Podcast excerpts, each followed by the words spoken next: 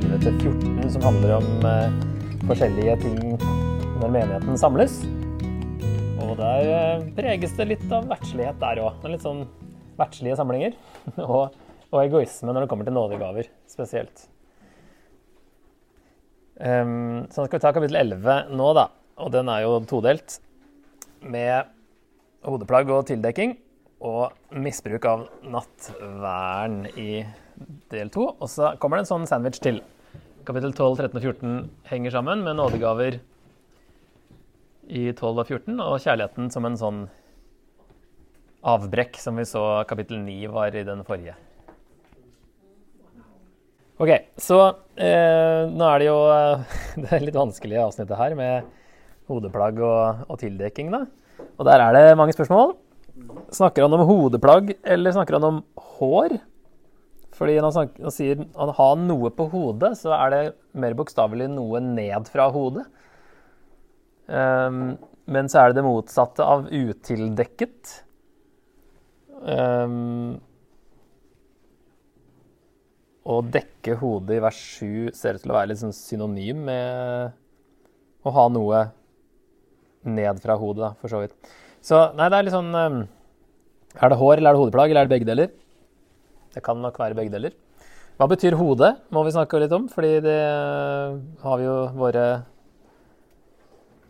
forutinntatte tolkninger på. Gjelder det ektepar, dette her, eller gjelder det generelt? Gjelder det liksom bare mann og kone, eller gjelder det mann og kvinne? Fordi det er samme ord. Akkurat som mann på norsk betyr både en vanlig mann og en ektemann. Så på gresk så er kvinne og kone samme ordet. Eh, og så er det noen vanskeligheter. Hva betyr eh, vers 3, 7 og 10? Dette med hodet da, i vers 3, og så er det Ja. Mannen skal ikke dekke hodet, for han er Guds bilde og ære, men kvinnen er mannens ære. Det henger litt sammen med kapittel, nei, vers 3. da. Og så er det vers 10 som er kanskje vanskeligste. Derfor skal kvinnen for englenes skyld ha noe på hodet som et myndighetstegn. Der er det masse forskjellige både oversettelser og tolkninger. Så det er noen vanskeligheter her, da. Um, ja, det virker jo som når han sier um, Vi har teksten her, så har jeg i hvert fall noen fargekodinger igjen, da. Det er mye snakk om hodet, ser dere, i gult. Og så er det mye snakk om kvinner, og minst like mye snakk om Ja, nesten like mye snakk om mann, da. Det er 16 ganger kvinne nevnes, og mann nevnes 14 ganger. Og hodet nevnes tolv ganger. Og her er det et ordspill da, på hodet. Um, dere, ja, dere, skal ha ros for at dere husker på meg i alt og holder fast på de overleveringene jeg har gitt videre til dere. Kanskje de faktisk har gjort dette her riktig, men lurt på hvorfor de skal gjøre det, eller noe sånt. Jeg vil dere skal vite at Kristus er enhver manns hode, mannen er kvinnens hode, og Kristi hode er Gud. Og når det her kommer liksom sånn før han egentlig begynner å snakke om uh, konteksten i menigheten, så virker det som at det er en ganske sånn tidløs teologisk sannhet. Vi ser litt på hva det betyr, da. En mann som ber eller taler profetisk med noe på hodet, fører skam over sitt hode. Som da ikke sant? Her er jo ordspillet 'noe på hodet' fører skam over sitt metaforiske hode, som er Kristus. sant? Så det er ordspillet her. Han snakker om konkrete hode. Hva man har på hodet, har å gjøre med om man fører skam eller ære til den som er hodet. men uh, menn skal ikke ha noe på hodet, nei.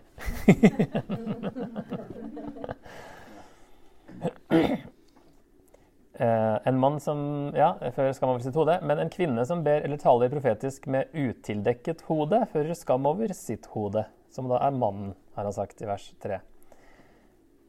Det er jo akkurat det samme som å være snauklipt. Hvis en kvinne ikke vil ha noe på hodet, kan hun like godt klippe av seg håret. Men når det nå er en skam for en kvinne å klippe eller barbere av seg håret, da må hun ha noe på hodet. Mannen skal ikke dekke hodet, for han er Guds bilde og ære.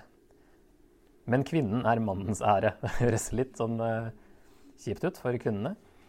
For mannen ble ikke til av kvinnen, men kvinnen av mannen. Mannen ble heller ikke skapt for kvinnens skyld, men kvinnen for mannens. Derfor skal kvinnen for englenes skyld ha noe på hodet som et myndighetstegn. Men i Herren er ikke kvinnen uavhengig av mannen, og mannen er ikke uavhengig av kvinnen. For som kvinnen ble til av mannen, blir mannen født av kvinnen, men alt er fra Gud. Bedøm selv, sømmer det seg for en kvinne å be til Gud uten noe på hodet? Lærer ikke selve naturen dere at det er en skam for mannen å ha langt hår, mens det for kvinnen er en ære?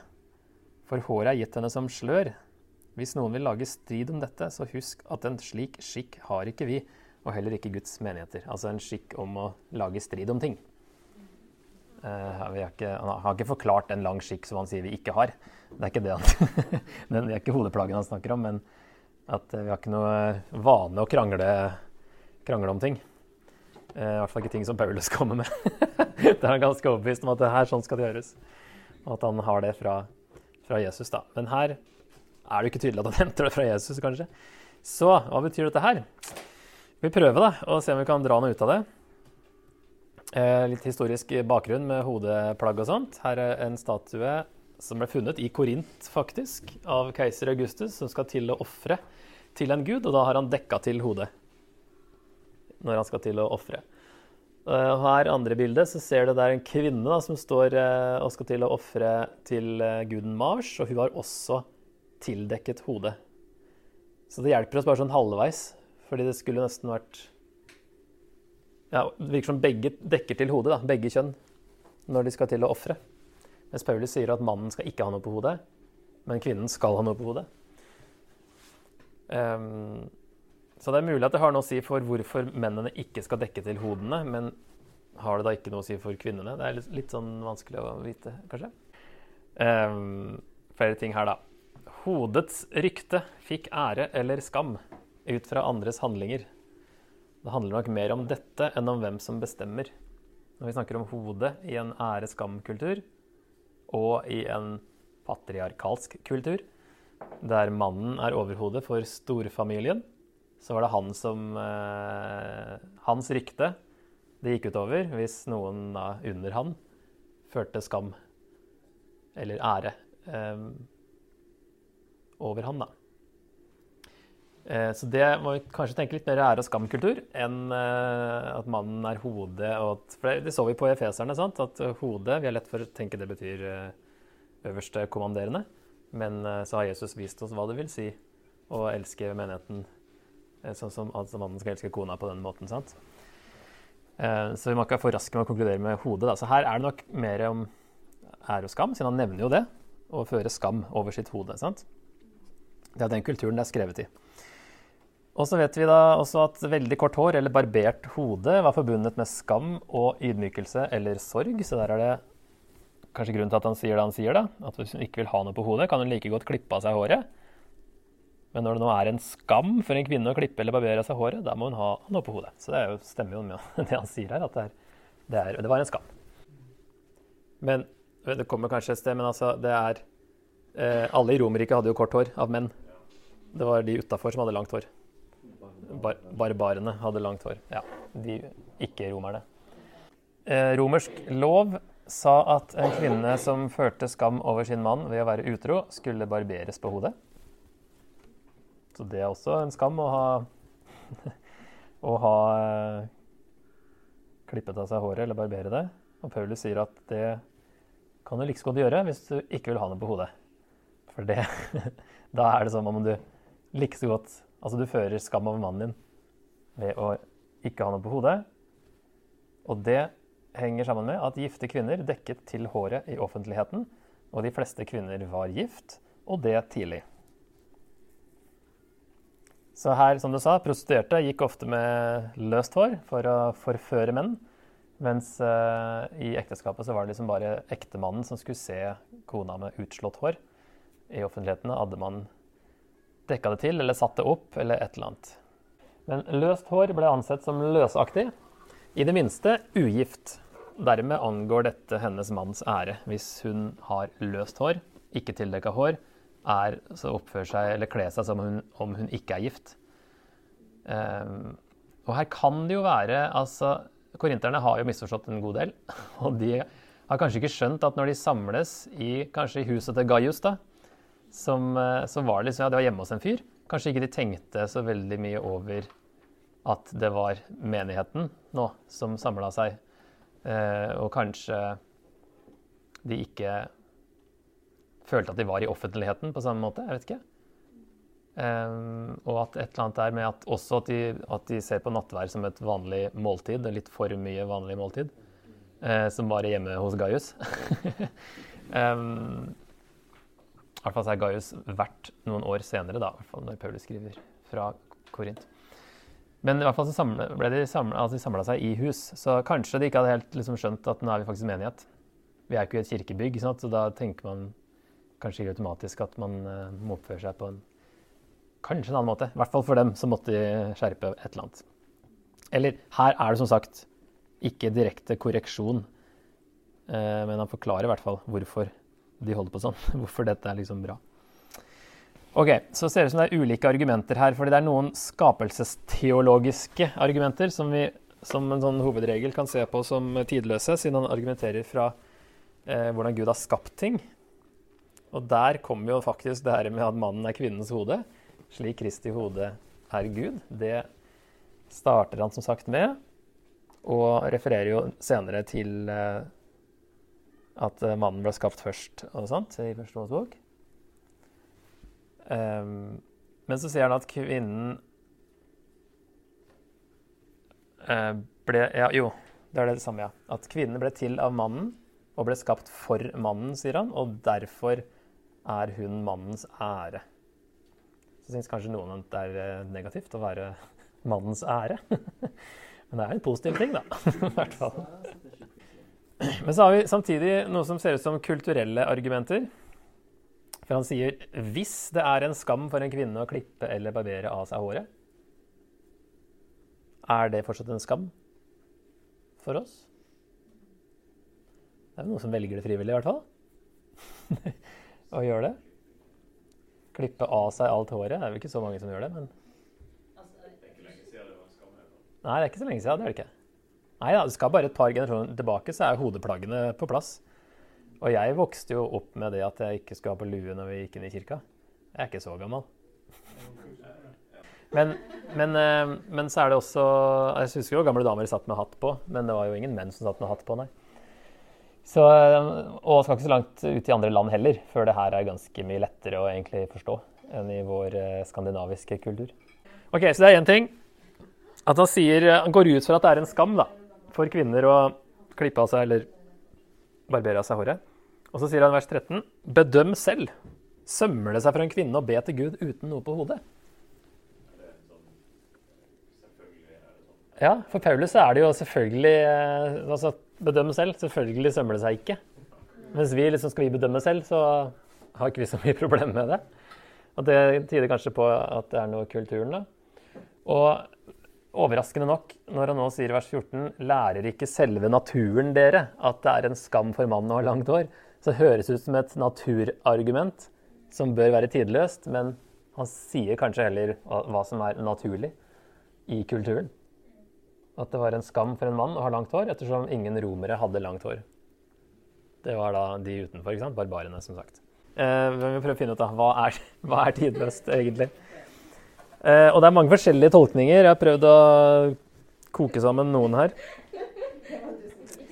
Det ser ut som, selv om kanskje ikke alle liker det, så ser det ut som at uh, det er tidløst at mannen er kvinnens hode. Men som sagt, mannen skal være hodet slik Jesus er for menigheten. Um, det betyr ikke overordna, selv om Paulus snakker om underordning. så, har vi, så har vi sett på det før at det er eh, Det er ikke Ja. Vi skal alle underordne oss hverandre. Um, og så ser det ut med at Gud har gitt menn og kvinner ulike roller, men begge er likevel skapt i hans bilde og er like mye verdt. Han redder seg liksom litt inn her i vers 11 og 12 når han sier at menn i Herren er ikke kvinnen uavhengig av mannen, og mannen er ikke uavhengig av kvinnen. For som kvinnen ble til av mannen, blir mannen født av kvinnen. ikke sant? Så det blir en, en sirkel, det jevnes litt ut. Og alt er av Gud eller fra Gud. Det er jo like viktig for Paulus her at mennene ikke har noe på hodet, som at kvinnene skal ha noe på hodet. Så det kan hende at mennene tenkte veldig nå, nå er vi liksom altså i menigheten, nå gjør vi som om vi skal ofre til en gud og dekker til hodet. For nå er det liksom ikke sant? Så sier Paulus nei, det skal du ikke gjøre. Dette er ikke et hedensk tempel.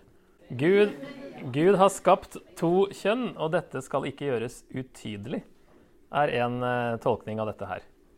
Og kulturen angir hvordan dette vil se ut, da. Men for Paulus og i den kulturen så handla det om hårlengde og om tildekking. Eh, både da ut fra kjønn og ut fra religion, at man da ikke skulle, mennene skulle ikke dekke til når de i en religiøs setting, som de kanskje var vant til fra tidligere religioner. Eh, mens for kvinnene så skulle de dekke til fordi det hadde med ekteskap å gjøre. Er komplisert eh, avsnitt, da. Det er ikke rart. Det er vanskelig. Det er, det er liksom, Tommelfingerreglene er jo da, liksom, hvis det er et teologisk argument eh, eller fra skapelsen, da, så er det tidløst. Og hvis det er kulturelt, så er det ikke det. Men det er ikke alltid like lett å vite. Og i første Timoteus, når han snakker om at ingen kvinner skal være lærere eller, eh, eller undervise en mann eller være herre over en mann, så refererer han også til skapelsen og hvem som ble skapt først. hvem som ble lurt først og sånne ting. Men han snakker om det andre steder òg. I Efeserne har vi sett. Og uh, Peter snakker om de første Peter, vel. Så det er liksom sånn en tråd som Jeg tror Efeserne 5 er viktigere da, for der i hvert fall kobler Paulus det på uh, forholdet Kristus og menigheten. At ekteskapet skal speile det forholdet. Og da, virker, da, da er han i hvert fall tydelig på at Kristus, uh, mannen får Kristus' rolle, og kvinnen får menigheten sin rolle. Så du messer opp det bildet der hvis man da ikke holder på at mannen er hodet. Men jeg synes det er et veldig godt argument mot likekjønnet ekteskap òg. At du messer opp hele poenget med ekteskap, som skal speile Jesus og menigheten. Og Gud og sitt folk. Ja. Men ok, det her er bare, dere får gjøre hva dere vil med det her. Jeg skal ikke argumentere så voldsomt for, uh, spesielt overfor dere kvinner. Ok, Jeg har et punkt til her da, som vi ikke kom til. Som var at kvinner skal ikke føre skam over mannen sin ved å kle seg usømmelig eller som om de er ugift. Men er, noen sier jo at tildekka hode, altså giftering, er en moderne å si, tilsvarer det. da. At uh, gifte kvinner går med giftering. Ikke sant? OK. Nattvær. Eller nattverdsligheter. Problemet er at splittelsene i menigheten ble tydelige ved at de rike begynte på nattverdsmåltidet før slavene og de fattige kom. Da var maten borte, og det hadde blitt til en drikkefest. Der står det jo Han sier at uh, det er én ting jeg ikke kan rose dere for, sier han. Litt sånn underdrivelse i vers 17. Dere samles på en måte som ikke er til nytte, men til skade. For det første hører jeg at det er splittelse blant dere når dere kommer sammen som menighet, og jeg tror det kan være noe i det.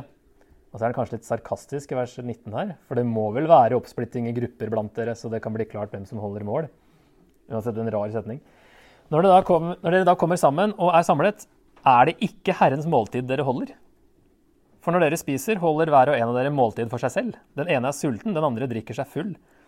Har dere ikke hus så dere kan spise og drikke hjemme, eller forakter dere Guds menighet og lar dem som ikke har noe, sitte med skam? Hva skal jeg si til dette? Skal jeg rose dere? Nei, slikt kan jeg ikke gi ros. Slik, ja, slikt kan jeg ikke gi ros. For jeg har mottatt fra Herren det jeg også har gitt videre til dere. Og så kommer jo disse nattverdsordene. sant? I den natt da Herren Jesus ble forrådt, tok han et brød, takket brødet og sa:" Og så forklarer han liksom hva nattverden skal være. ikke sant? Gjør dette til minne om meg. Eh, hver gang dere drikker av det, gjør det til minne om meg. For hver gang dere spiser, vers 26, dette brødet og drikker av begeret, forkynner dere Herrens død helt til Han kommer. Den som spiser brød eller drikker av Herrens beger på urett vis, gjør derfor urett mot Herrens kropp og blod. Enhver må prøve seg selv, og så spise av brødet og drikke av begeret. For den som spiser og drikker uten å tenke på at det er Herrens kropp, spiser og drikker seg selv til doms. Derfor er det mange svake og skrøpelige hos dere, og noen er sovnet inn. Hadde vi bedømt oss selv, hadde vi unngått å bli dømt, men når vi blir dømt av Herren, blir vi irettesatt for at vi ikke skal bli fordømt sammen med verden. Derfor, mine søsken, når dere kommer sammen for å holde måltid, så vent på hverandre. Hvis noen er sulten, får han spise hjemme, så ikke sammenkomstene deres skal føre dom over dere. Om de andre tingene skal jeg gi retningslinjer når jeg kommer. Ok, så her er i hvert fall eh, Det var vanlig med spleiselag når man hadde middager. Eh, og da ble sosiale forskjeller enda tydeligere. Hvis man gjorde det på samme måte her, da. Og så ser vi at nattverden var opprinnelig et måltid, og problemet i Korint var at det var for mye et måltid og for lite Herrens måltid. Men det var tydelig mye mer mat enn en liten oblat og en liten skvett vin. Og her er det det som skjer. Altså, det er blitt en latterliggjøring av den kristne enheten som nattverden skulle være et symbol på. Faktisk er det ikke nattverd i det hele tatt, sier Paulus. Det er ikke Herres måltid, det her. Og så når han sier eh, mot slutten, eller 27 29, at uh, den som spiser brød eller drikker av Herrens beger på urett vis, gjør derfor urett mot Herrens kropp og blod. Enhver må prøve seg selv, og så spise av brød og drikke av begeret. For den som spiser og drikker uten å tenke på at det er Herrens kropp, spiser og drikker seg selv til doms. Det handler ikke om å ikke finne ut om man er verdig til å uh, være med på nattvær, men huske på at det er Herrens måltid, og ikke bare et vanlig måltid.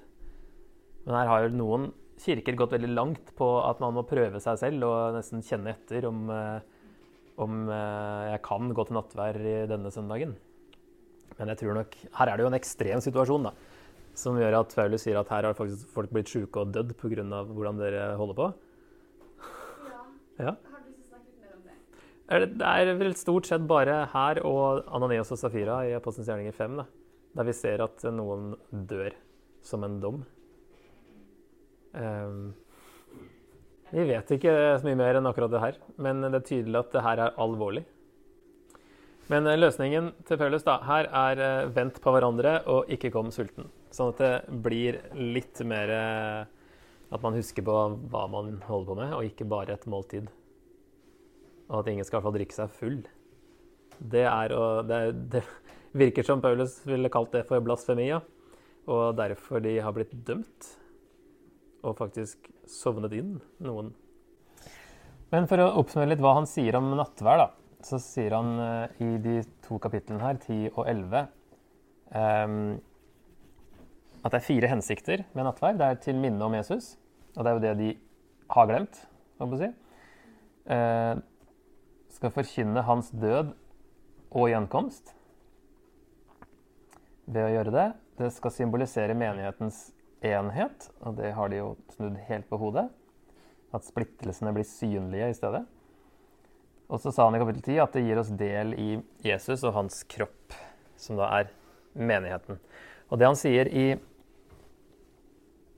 vers 29, den som spiser og drikker uten å tenke på at det er Herrens kropp. Så tenker man, når han sier 'den som spiser og drikker uten å tenke på at det er Herrens kropp', og så nevner han ikke blod, så tenker man at han her med kropp ikke tenker på brød, men tenker på menigheten. Herrens kropp.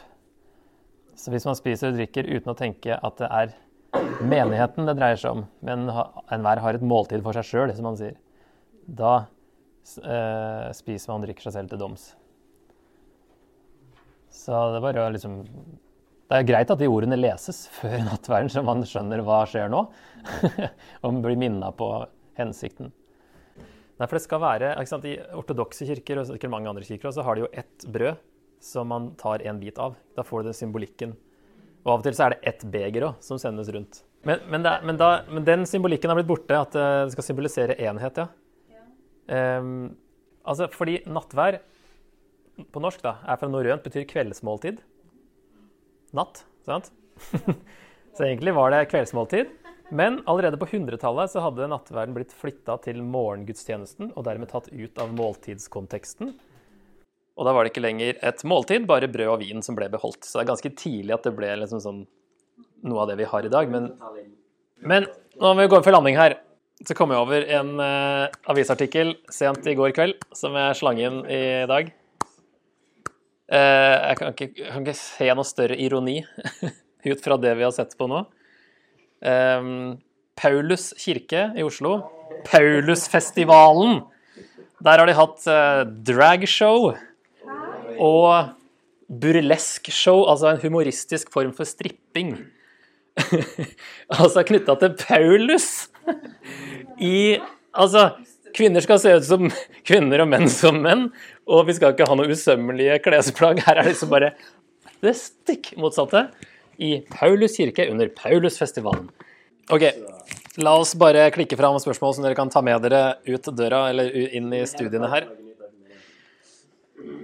Bare for å lande litt mer enn det vi gjorde akkurat nå. Hvordan kan du sørge for at du ærer Gud når menigheten samles? Hva vil tilsvare hårlengde og hodeplagg i din kontekst, og hva slags konsekvenser har dette?